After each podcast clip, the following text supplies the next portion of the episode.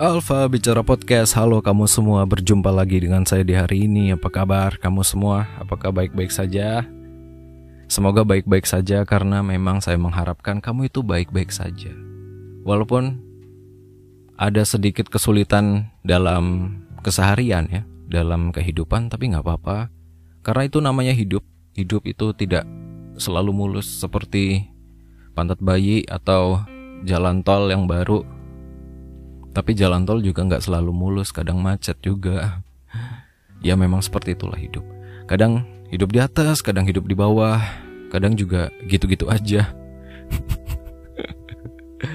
uh, kali ini kita akan sedikit uh, mengulik, mengulik, nggak mengulik sih. Saya cuma pengen ngobrol aja karena seperti biasanya selalu unscript karena kalau pakai script itu lama bikinnya dan saya memang uh, tergantung mood dan tergolong orang yang malas jadi unscript dulu. Ya SMS ini menghangatkan suara gitu ya tenggorokan biar bisa lebih luas lagi.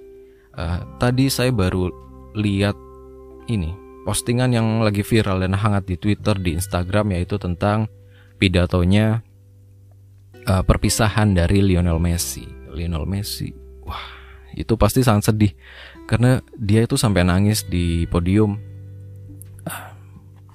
Yang nonton mungkin fans fans fansnya juga ada ada yang nangis. Karena di di meme di meme itu ada yang nangis juga. Anak kecil itu merengek sama ibunya. Meme-nya gini uh, nangis diputusin pacar diputusin pacar no. Nangis karena Lionel Messi pindah tidak perpanjang kontrak. Yes wow. Ya karena memang kalau sudah punya histori lama dan punya kenangan uh, perjalanan perjuangan lama itu ketika harus pergi dan berpisah memang berat dan mengharukan sekali. Padahal Lionel Messi baru aja menangin trofi. Kasihan ya, walaupun walaupun dia sering dapat Ballon d'Or, walaupun dia sering menyabat penghargaan, individual tapi dia belum pernah menyamai legenda dari negaranya Argentina untuk mengangkat trofi Piala Dunia. Ya, tapi mau gimana lagi ya. Ronaldo juga belum sih. Yang sudah malah yang tidak termasuk kategori superior dua orang itu. Ya mungkin pemain lainnya juga bagus, tapi yang jadi perbincangan dan sangat hangat dan karena makin tua tuh performanya tidak tidak terlalu turun drastis gitu yaitu Messi dan Ronaldo. Kenapa jadi bahas bola? Uh, ya habis habis lihat itu dan ternyata sangat menyedihkan. Saya juga sedih. Saya termasuk dulu di Semarang uh, fans Barca. Ya saya Barca dan MU sih dukungnya. Dulu di Semarang saya sempat kenalan juga sama beberapa ini cules ya. Cules apa kules uh, itu cules cules Semarang. Uh, fans Barca Bar Barcelona Indo Barca ada juga beberapa kali um, ini beberapa kali berkontak gitu. Sempet juga dulu saya jualan jersey bola uh, sama mereka gitu. Salah satu dari mereka ada yang nyetokin jersey Barcelona. Jersey ini waktu dulu itu yang tren adalah jersey bukan KW nyebutnya grade ori. Ya grade ori di grade ori itu ada player isu ada yang standar biasa. Ya gitu gitulah gitu. Ya agak menyedihkan karena memang dia udah memulai karirnya dari 13 tahun umur 13 dibawa oleh Barcelona dengan keadaan yang ya bisa dibilang kalau nggak dibantu oleh Barca saat itu mungkin karir Messi nggak sebagus sekarang dan karena memang ada uh, uh, treatment medis gitu untuk Messi untuk menyeimbangkan hormonnya atau gimana gitu. Karena kan kita tahu isu-isunya itu kalau Messi kan ada kelainan lalu uh, di kelainan itu diobatin lah uh, simpelnya sama Barcelona. Lalu semenjak itu ya memang sudah berbakat dan sudah kelihatan bakatnya, tapi karena ditreatment dengan baik, jadi bakatnya makin terasa dan tajam. uh, seperti biasanya, saya sambil buka-buka email atau buka-buka Twitter ya. Apa sih yang lagi tren di Twitter ini? Bentar sih. Ini saya uh, malah Messi, foto-foto Messi, foto-foto Messi. Uh, kita lihat yang ada di trending Indonesia ya. Aneh malah uh, di tren untuk anda nomor satu di Indonesia itu yang paling atas. Ini urutannya sesuai uh, jumlah banyak-banyakannya atau enggak sih? Yang nomor satu soalnya adalah Ronaldo. Ini ada apa nih? Kok malah Messi yang berpisah sama Barca, Ronaldo yang trending? Ada apa ini? Kita lihat yang di populer. Apa nih? Jujur gue ngefans banget sama dia. Bahkan gue bisa bilang dia adalah pemain terbaik di era modern saat ini. No, bukan Ronaldo. Kenapa gue bisa bilang gitu? Simpel aja kalau Milan ketemu antara Ronaldo atau Messi, gue lebih takut ketemu Messi. Hmm, hmm, hmm. Ya.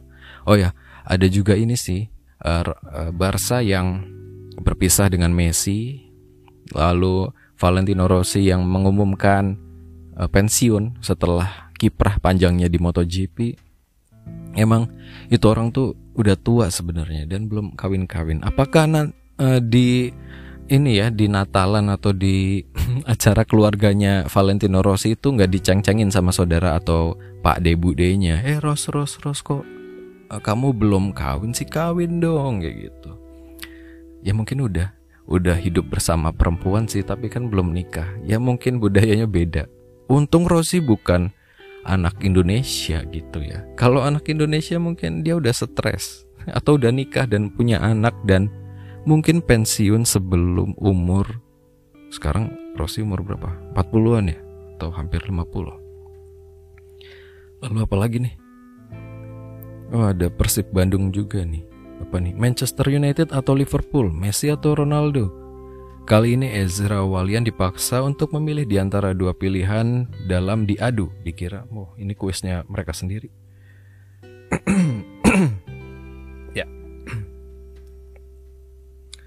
Apa nih, momen El Clasico ini jadi favorit sih. Tragedi Pique, Ronaldo kartu merah, dan Suarez yang menyebalkan karena diving anjir. Wak, wak, wak. Best moment ever, but thanks Leo for the move the, for the moment.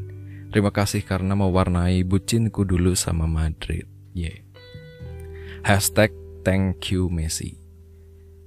Masing-masing punya pendapat soal siapa yang lebih hebat. Gue nggak bilang orang yang berpendapat Ronaldo lebih hebat itu salah, tapi hak mereka paham. Wah, kadang-kadang uh, ada momen momen haru di antara uh, para pesepak bola atau kejadian di luar sana itu malah membuat netizen kita, bahkan kita sendiri, aku mungkin kamu juga bahkan malah ribut sendiri gitu.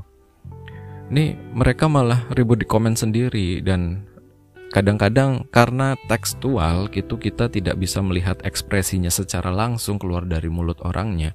Jadi kesannya yang yang kita dapat tuh kadang anjir sengak balas lah kayak gitu. Ya itulah kurangnya komunikasi lewat teks kadang jadi salah paham kadang jadi nggak bagus gitu. Ada apa lagi emang bener cuma rezim Jokowi ini bisa ngebuat Messi sama Ronaldo cabut dari Barca sama Madrid. Ya ya ya ya ya ya. Lalu nomor duanya ini adalah Shopee Puncak 88 hmm. Tuh kamu yang suka buat diskonan atau promo-promo ongkir itu uh, e-commerce tuh sering banget ya sekarang buat ngadain ngadain promo-promo yang seperti itu uh, tiap bulan ada kalau bulannya angkanya cantik lalu apalagi Paris 2024 Paris 2024 tuh apa ya apa dong Paris We are the next Olympic and Paralympic Games in Paris. Oh gitu. Paralympic. Ya seperti itu. Uh, Messi baru. Oh men. Kayaknya nggak urutan ya. Ini Messi juga banyak sih. Tweetnya tapi malah nomor berapa di urutannya. Nomor satu nggak urutan ternyata. Mana ya? Ada yang bisa saya baca? Ada yang bisa saya baca nggak nih? kadang-kadang uh, kita uh, ikut terharu untuk kesusahan atau kesedihan orang lain. Dan kita seolah lupa bahwa kita juga kadang dalam situasi yang sulit juga dan sedih gitu. Tapi itulah manusia, itu menunjukkan bahwa kita itu punya rasa empati, bahwa hati kita itu nggak mati, belum mati. Kita ada empati buat orang lain untuk merasakan kesulitan atau kesedihan orang lain. Dan itu bagus tandanya kita itu masih manusia bukan robot. Walaupun sehari-hari kerja itu seperti robot karena dituntut macam-macam uh, izin sakit atau cuti sakit itu malah gaji dipotong. Aduh. Memang aneh sekali dunia ini. Aneh sekali dunia ini ya. Kadang-kadang kayak gitu. Lalu ada teman yang curhat di Twitter ya saya juga mulai untuk curhat dan nulis-nulis puisi lagi dan memang tidak selalu. Wah ada wallpapernya Messi. Seva memang tidak selalu untuk hal-hal yang serius ya Twitter. Saya pengen mengembalikan masa-masa bahwa nulis apa-apa di Twitter selain marah-marah dan curhat soal cinta ya lewat uh, puisi dan bersyair kayak gitu nggak masalah. Dulu saya sempat malah sama followers yang kadang-kadang juga random nggak tahu siapa atau kadang-kadang malah temen temen di Twitter dan kebetulan satu tempat kuliah tapi nggak terlalu akrab tapi akrabnya malah di Twitter di sosial media gitu. Jarang ketemu juga sih tapi cuma tahu orangnya.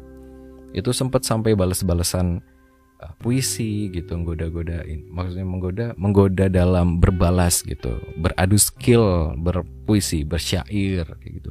Itu asik banget dan sekarang itu aku udah nggak pernah lagi. Teman-teman mungkin yang di Twitter uh, lebih sering interaksi untuk misalnya mengomentari yang kayak gini kesedihan atau ada momen apa bantuan atau malah atau malah ada go donasi ya penggalangan dana seperti itu kan. Itu malah ya ya sekarang eranya sudah berubah dan nggak bisa asik-asik seperti dulu lagi. Tapi nggak apa-apa ding apalagi ya hmm, ya itu sih. By the way uh, kalau kamu follow Instagram saya sekarang kok sekarang? Kalau kamu follow Instagram saya uh, udah follow Instagram saya saya update ini sih. Kemarin update story tentang uh, saya kasih saran untuk hidup tenang, untuk hidup nyaman kayak gitu.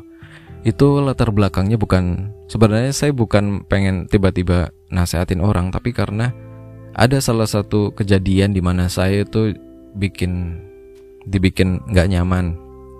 Uh, dibikin nggak nyamannya gimana? Kamu tahu episode yang uh, Tinder Perians itu ya?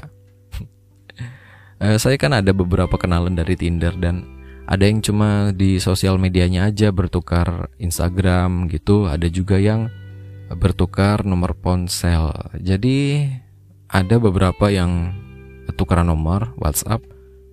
Ada yang udah komunikasi lama terus tiba-tiba nih langsung skip aja langsung to the point cerita. Tiba-tiba ada yang uh, WhatsApp nomor tidak dikenal dan uh, tulisannya itu adalah saya dijadikan uh, penjamin hutang online dari pinjaman online oleh teman saya dari Tinder itu. Lalu dia juga ya seperti debt collector gitu ya. Ada emoji-emoji manis cute-cute gitu tapi nadanya dan bukan nada siapa. Tulisannya itu mengancam. Saya di, disuruh untuk uh, mendesak atau menekan yang bersangkutan itu untuk bayar hutangnya. Sedangkan saya nggak tahu apa-apa dan ketika saya WhatsApp yang bersangkutan ternyata nomornya udah ganti. Nah, tiba-tiba kan saya jadi ini ya. Kok saya dilibatkan untuk hal yang saya nggak tahu gitu. Dan tiba-tiba nomornya udah hilang dan nggak bisa dihubungi, udah nggak aktif. Lalu Instagramnya juga eh, nggak lama kemudian karena mungkin saya bingung karena saya menghindari masalah karena di di chat WhatsApp nomor yang tidak dikenal itu mengancam akan akan meneror selain saya keluarga saya dan saya nggak suka itu kalau udah bawa-bawa keluarga jadinya saya langsung gerak cepat aja buat um, akses akun Instagram yang bersangkutan, lalu saya cari uh, siapa aja yang ngetak dia, foto dia, yang itu saya asumsikan sebagai teman, teman dekat paling enggak, dan yang terbaru paling enggak belum lama ketemunya kayak gitu kan. Lalu coba saya hubungin, tidak saya follow tapi saya langsung kirim DM. Saya minta konfirmasi bahwa saya kayak gini gini gini kalau tahu ke kalau tahu keberadaan yang bersangkutan tolong disampaikan. Kalau memang ini benar tolong bertanggung jawab kayak gitu aja. Lalu nggak lama kemudian yang bersangkutan uh, follow saya di Instagram dengan akun baru. Lalu saya dikasih nomor baru dari temennya juga. Lalu dia bilang kalau uh, itu saya nggak tahu dia dia nggak tahu dan mungkin itu penipuan atau pencemaran nama baik atas namanya Terus foto itu diambil, yang diambil itu foto buat daftar akun flip atau apa itu. Di sana saya bingung, saya mau percaya yang mana kayak gitu. Saya mau percaya yang mana? Uh, ya bersuuzon, mau suuzon apa husnuzon gitu. Tapi saya coba ya udah bentar tenang, tenang dulu. Dia minta saya memblokir nomor yang udah neror Sebelum saya blokir dan hapus, saya screenshot dulu. Dan kemudian uh, ya udah, oke. Okay. Ya udah, oke. Okay. Saya bilang gitu aja karena uh, saya sebenarnya masih marah dan ini pertama kalinya buat saya karena tahu dari mana nomor saya yang yang WhatsApp saya itu tahu tahu nomor saya dari mana dan dan kenapa saya gitu tulisannya saya yang dijadikan penjamin hutang. Malah saya nggak nggak hutang. Saya juga nggak hutang bank. Dan saya memang untuk beberapa tahun ter tahun terakhir ini ya, di samping untuk mengesampingkan untuk mengesampingkan mengesampingkan teman-teman saya yang bekerja sebagai marketing atau sales atau apa produk keuangan gitu bukan saya ingin menjatuhkan atau gimana tapi memang tidak semua orang emang mau buat um, buat minjem atau patut dan layak kayak gitu.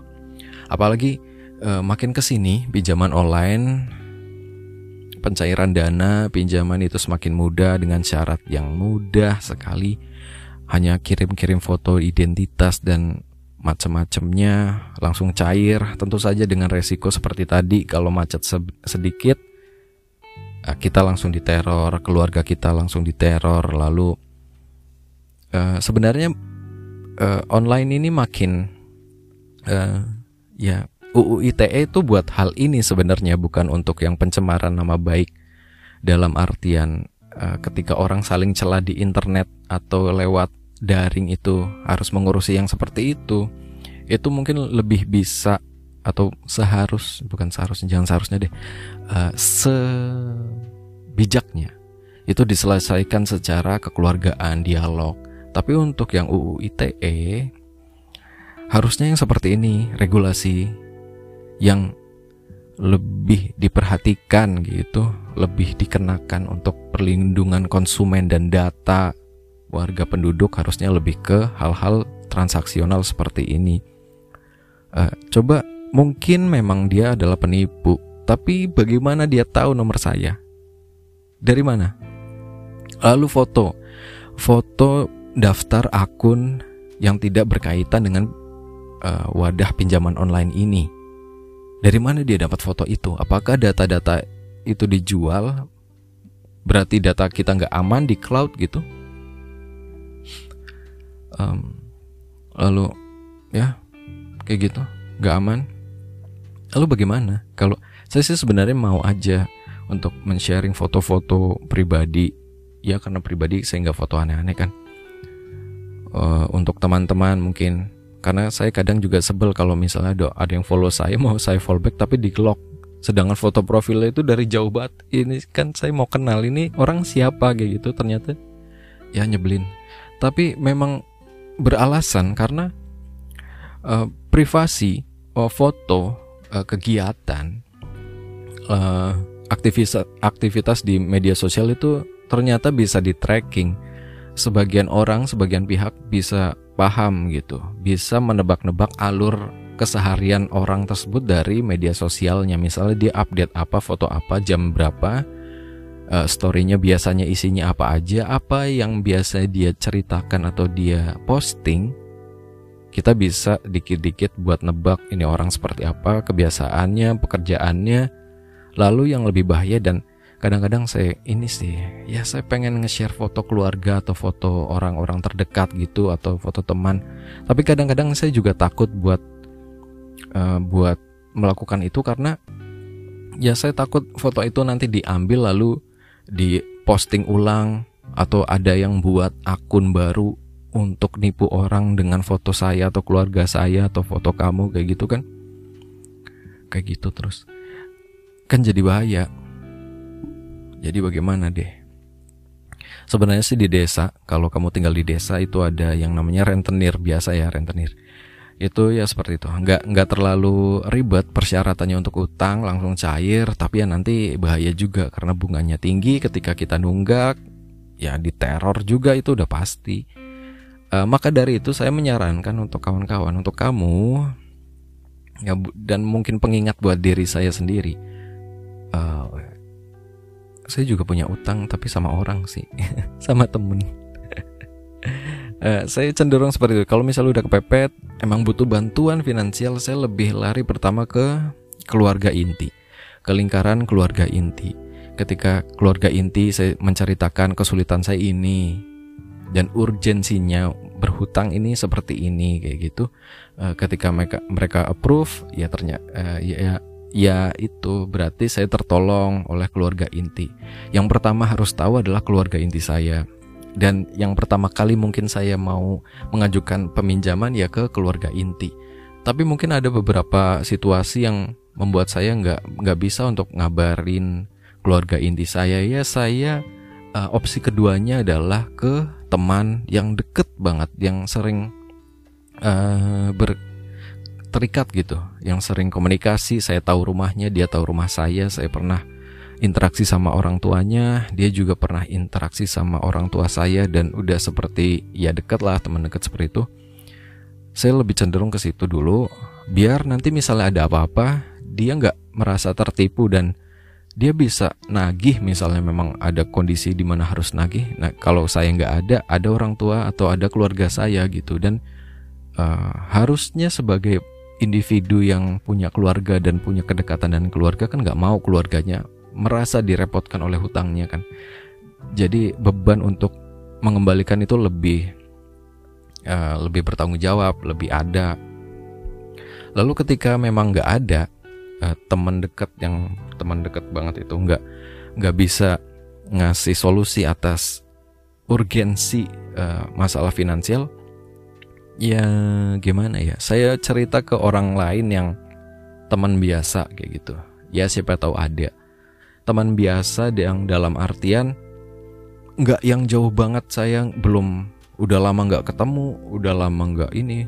Itu saya coret dari daftar orang yang pengen saya mintain tolong. Karena mungkin nanti mereka akan merasa kok ini orang belum udah lama nggak ketemu tiba-tiba langsung menghubungi cuma buat minta tolong doang. Dan sedangkan saya juga orang yang tipikalnya nggak suka di seperti itu kan jadi ke teman-teman yang ya paling enggak kalau bukan teman dekat ya teman kerja, uh, teman komunitas atau teman nongkrong yang yang nongkrong aja bukan yang inti sebagai teman dekat yang mengurusin hal-hal yang personal kadang-kadang ya seperti itulah. Ya, itu mungkin tips untuk misalnya mau utang, mau utang ya ke situ dulu uh, jangan setelah ke uh, ke lingkungan keluarga inti teman dekat dan teman kolega kayak gitu uh, mungkin kalau kamu merasa mampu untuk mengembalikan kamu bisa mengajukan pinjaman ke pihak uh, finansial itu. Kok pihak finansial? Pihak bank misalnya atau pihak yang menyediakan layanan untuk peminjaman atau pegadaian itu. Kalau kamu punya barang atau sesuatu yang bisa digadaikan. Ke situ dulu, tapi dihitung-hitung dan jangan uh, mengajukan di luar kapasitas kamu. Jangan ke terlalu besar atau jangan terlalu kecil. Uh, itu kapasitasnya. Lalu alasannya, jangan pernah ambil atau mencicil sesuatu yang sifatnya adalah konsumtif atau barang-barang yang untuk memenuhi gaya hidup aja untuk ikut-ikutan teman misalnya gadget. Uh, iPhone 12 Pro ini udah keluar dan HP saya masih iPhone XR atau iPhone 11 kayak gitu. Saya harus upgrade kayak gitu. Upgrade-nya bukan karena memang pekerjaannya di handphone tapi karena memang terpicu buat hmm, saya pengen pamer nih HP baru kayak gitu. Itu yang harus dihindari karena kamu akan susah sendiri nanti kalau misalnya uh, berhutang, tapi utangnya buat hal-hal yang sifatnya nggak bagus. sifatnya nggak bagus, sifatnya itu konsumtif. Kecuali kamu adalah, aduh, bentar. Kecuali kamu adalah uh, seorang yang emang pengen memutar uang, itu aset dalam bentuk mungkin usaha jualan itu untuk untuk menunjang atau meng, menaikkan skala produksi atau untuk ya diputar lagi biar ada keuntungan yang lebih besar. Itu bisa tapi tetap juga dengan perhitungan yang matang. Jangan sampai ah pengen ah gitu. Ambil kayak gitu. Karena makin makin ke sini makin mudah untuk uh, dapat pinjaman gitu. Makin gak dipikir nanti ya kasus-kasus seperti ini kan banyak gitu. Penagihan online nagih ke temennya nomor yang didaftarkan. Sedangkan yang didaftarkan sebagai penjamin itu nggak tahu bahwa dia itu adalah penjamin. Apakah di uh, dalam hmm, ini penyedia layanan jasa peminjaman itu nggak konfirmasi dulu ke nomor yang dijadikan jaminan, nggak nelpon dulu sebelum peminjaman itu di approval, di approve gitu. Uh, kalau kamu yang mungkin uh, kerja di bidang seperti itu mungkin bisa kasih tahu saya.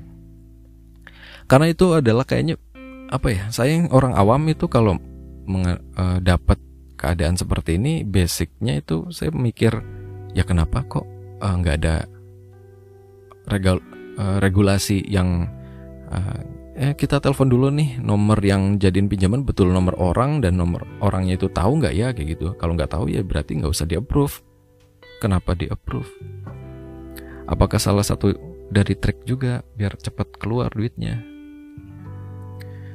itu sih. Mau utang buat apa? Mau buat yang diputar lagi atau barang yang konsumtif?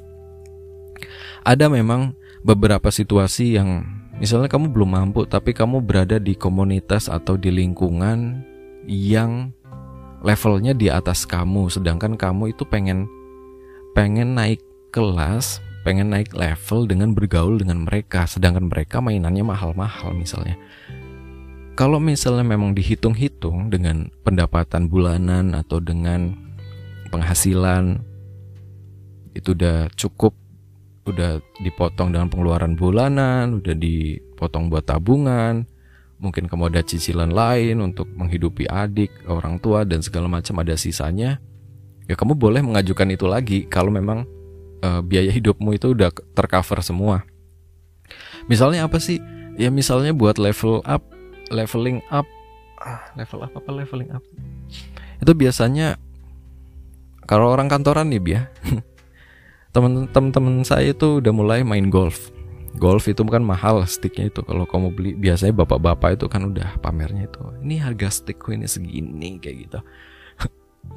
Mungkin kamu juga bisa itu ada di komunitas golf atau mobil atau motor atau apa ya yang hobi bapak-bapak banget pokoknya kayak gitu? Dansa atau apa? Kadang ada memang kebutuhan untuk penunjang hobi dan kita belum punya cash untuk memenuhi itu semua sedangkan kalau kita pikir dan hitung-hitung kalau kita ada di pergaulan mereka di level mereka kemungkinan kita akan uh, kecipratan rezeki ibaratnya dari pergaulan tersebut. Karena kan ada yang bilang kalau uh, uh, apa ya itu istilahnya uh, untuk orang sukses itu gabungnya sama orang sukses yang lain gitu orang yang hobinya ini hobinya A ya akan bergabung ketemunya sama yang hobinya A. Jadi kita kalau mau sukses, mau kita levelnya naik, karirnya bagus, kita harus bergaul dengan orang yang levelnya naik juga dan karirnya bagus juga gitu. Kan ada tuntutan seperti itu ya.